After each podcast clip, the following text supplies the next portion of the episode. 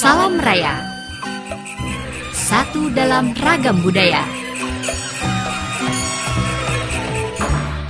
Sahabat edukasi, ketika mendengarkan lagu Tanjung Perak, apalagi yang versi keroncong, maka kita seolah dibawa ke masa lalu, yaitu masa kejayaan musik keroncong. Hmm, lantas bagaimana ya dengan perkembangan lagu Tanjung Perak di era modern ini? Yuk kita simak obrolan Bowo dan Didit bersama Bapak Harpang Yuda Karyawanto, SPD MPD berikut ini.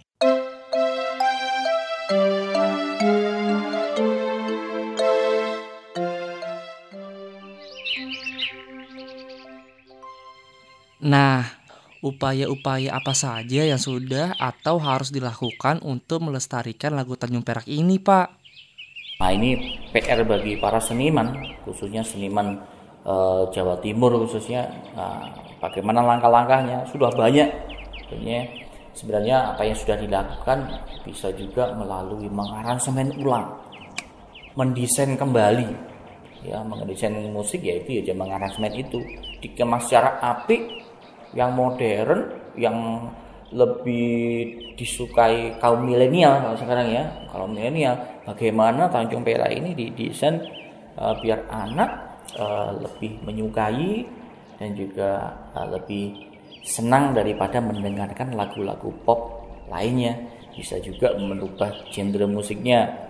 Uh, sebenarnya sudah banyak yang belum terekspos dari beberapa seniman Surabaya ataupun musisi selalu menggunakan uh, lagu Tanjung Perak sebagai lagu wajib uh, ikon dari berbagai kegiatan aktivitas uh, seni di Surabaya.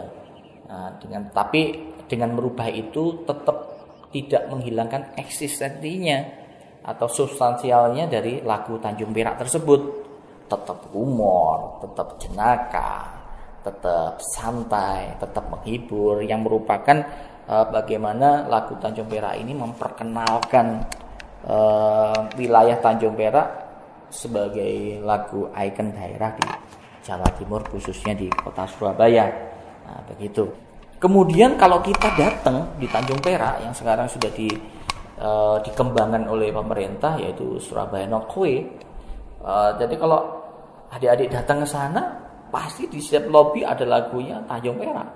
Nah, Nah, berarti program itu memang uh, akan terngiangkan bahwa ini wah ternyata pelabuhan ini selain populer dan uh, punya fungsi yang banyak tapi juga mempunyai ikon uh, lagu sendiri.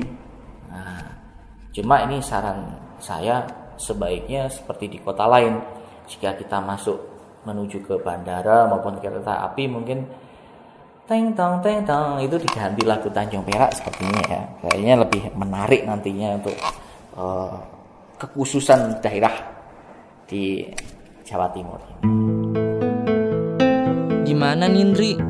Udah puas kamu cari-cari tentang lagu Tanjung Peraknya? Lumayan sih, Wo. Kamu sendiri gimana?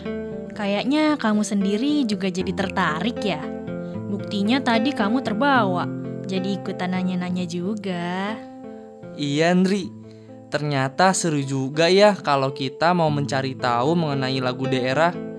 Kapan-kapan kita keliling lagi ya. Eh, kok malah kamu yang jadi semangat gitu? Gimana kalau kita ke Tanjung Perak malam ini? Kalau dengar ceritanya Pak Harpang, jadi pengen ke Tanjung Perak malam-malam. Kayaknya seru. Oke banget tuh Andri. Ayo, aku setuju. Sahabat edukasi, bicara mengenai lagu daerah atau juga jenis kesenian daerah apa pun, tentunya tidak akan lepas dari usaha pelestarian. Jika minat masyarakat sudah berkurang dan tidak ada yang berusaha untuk memunculkannya kembali, maka kesenian tersebut bisa terlupakan. Karena itu, kita sebagai bangsa Indonesia harus selalu turut serta dalam usaha pelestarian kesenian dan budaya bangsa.